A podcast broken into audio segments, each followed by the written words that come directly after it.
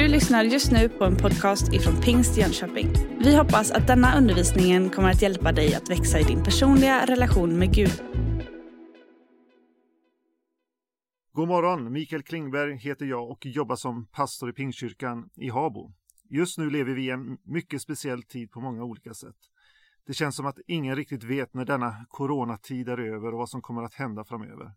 Och detta skapar ju naturligtvis oro och rädsla och det kan också bli också distans mellan oss människor. En sak som hjälpt mig den här våren är att luta mig mot en bön. Och jag skulle vilja stanna upp vid den några månader den här veckan. En bön som jag vill uppmuntra dig att be om och om igen. En, det är en bön som har betts av människor i alla slags olika miljöer. Den stiger upp från stora katedraler och från små oansenliga hyddor på en undanskymd plats. Den beds av kungar och utav barn. Man ber den på bröllop och vid dödsbäddar. Fattiga och rika ber den, analfabeter och lärda. Det är många som ber denna bön. Det är en bön som når ut till alla människor i alla tider och på alla platser. Det är en bön som Jesus lär sina lärjungar att be. Lärjungarna de hade sett Jesus be vid många olika tillfällen och nu känner de en längtan efter att få be som han gjorde. Och det är ju bönen vår Fader eller Fader vår. Och vi ska ta och be den tillsammans och jag ber den som finns återgiven som kanske du har i din psalmbok hemma. Och den, jag ber den så här. Vår Fader, du som är i himlen. Låt ditt namn bli helgat. Låt ditt rike komma. Låt din vilja ske på jorden så som i himlen. Ge oss idag det bröd vi behöver och förlåt oss våra skulder liksom vi har förlåtit dem som står i skuld till oss. Och utsätt oss inte för prövning utan rädda oss från det onda. Ditt är riket, din är makten och äran i evighet. Amen. Jesus gav lärjungarna att be en bön och att be en bön tillsammans. När vi läser den här bönen eller när vi ber den här bönen så kan vi se att det konsekvent är vi och oss och inte jag och mig. Men det är inte en bön som är så helig så att den inte kan ändras. Det man kan se av den här är att det har förekommit olika formuleringar av den här bönen. Men vi ber den här bönen ifrån vårt hjärta och vi tror att det finns saker här som vi vill ha med i vår bön till Gud. Och det är speciellt några saker som jag vill stanna upp vid. Och det är en mening som jag vill lyfta fram den här morgonen. Och det är meningen Vår Fader, du som är i himlen. Första delen visar till vem jag riktar min bön. Den inledande, inledande meningen visar att Gud är våran far. Det är ju helt otroligt. Kanske är det svårt för oss att förstå hur radikal den här bönen är som Jesus lär sina lärjungar. Vi är så vana vid att använda och be den här bönen kanske. Men tänk att vi får be till vår himmelske far. Och Bibeln talar ju om att den här himmelske fadern, han är skaparen, han är kungen, han är domaren, han är frälsaren. Så när jag ber bönen, vår fader, du som är i himlen, så kommer jag i kontakt med och får en relation med himmelens och jordens skapare. Bön är alltså en relation, inte något mekaniskt, opersonligt. Bön är en relation med någon som väntar på att vi ska höra av oss och som vill ha en relation med var och en av oss. Jesus han använder också ordet Abba när han ska be till sin fader. Och det här ordet, det är ett ord som vi också läser om i Romarbrevet 8 och 15 där det står så här. Ni har inte fått en ande som gör er till slavar så att ni måste leva i fruktan igen. Ni har fått en ande som ger er söners rätt så att vi kan ropa Abba fader. Anden själv vittnar tillsammans med vår ande att vi är Guds barn. Men är vi barn, då är vi också arvingar, Guds arvingar och Kristi medarvingar, om vi delar hans lidande för att också få dela hans härlighet. Jesus han inför det här ordet Abba som tilltal till Gud.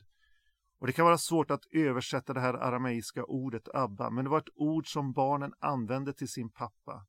Och man kan översätta det med käre far eller pappa. När vi blir Guds barn så kommer vi in i en nära relation till vår himmelske far. Denna bönen förutsätter alltså att vi vill ha en relation med Gud. Han är vår far, inte en ond domare som väntar på att döma oss eller någon som är långt borta och som inte bryr sig om oss.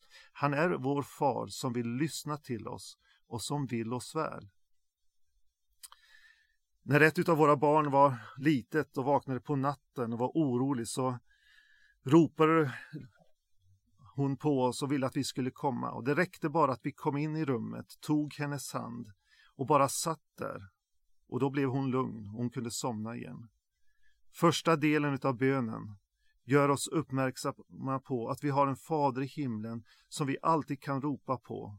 Och när vi ber Fader vår i himlen så sträcker vi våra händer mot honom och lägger vår hand i hans. Idag, den här dagen, så får du be kanske bara den bönen. Vår Fader, du som är i himlen. Idag får du sträcka dig mot din far i himlen. Be den meningen. Han lyssnar till dig. Han vill ha en relation med dig. Han älskar dig och han vill hålla dig i handen. Luta dig mot den formuleringen idag. När jag förberedde också den här andakten och det jag ville säga till er idag så kom en sång till mig.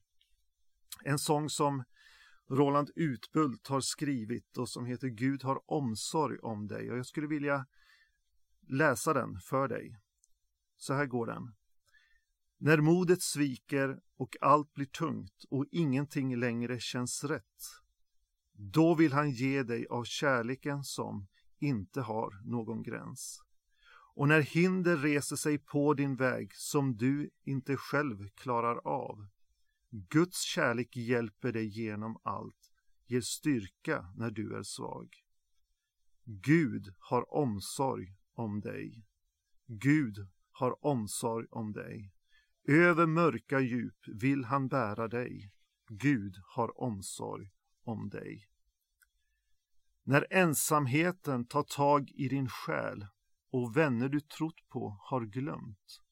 Gud älskar dig mer än du förstår. Han finns hos dig varje stund. När arbetet pressar dig mer och mer och det känns som ett tyngande ok, då vill han lyfta dig upp i sin famn och ge dig en ny framtidstro. Gud har omsorg om dig. Gud har omsorg om dig. Över mörka djup vill han bära dig. Gud har omsorg om dig. Gud har omsorg om dig. Och detta vill jag bara påminna dig om idag, att du har en far i himlen, vår fader, du som är i himlen. Han har omsorg om dig. Han vill bära dig. Han vill vara nära dig. Sträck dig mot honom den här morgonen.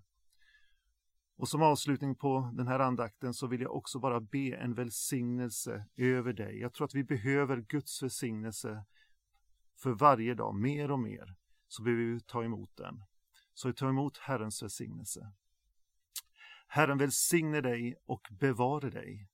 Herren låter sitt ansikte lysa över dig och vare dig nådig.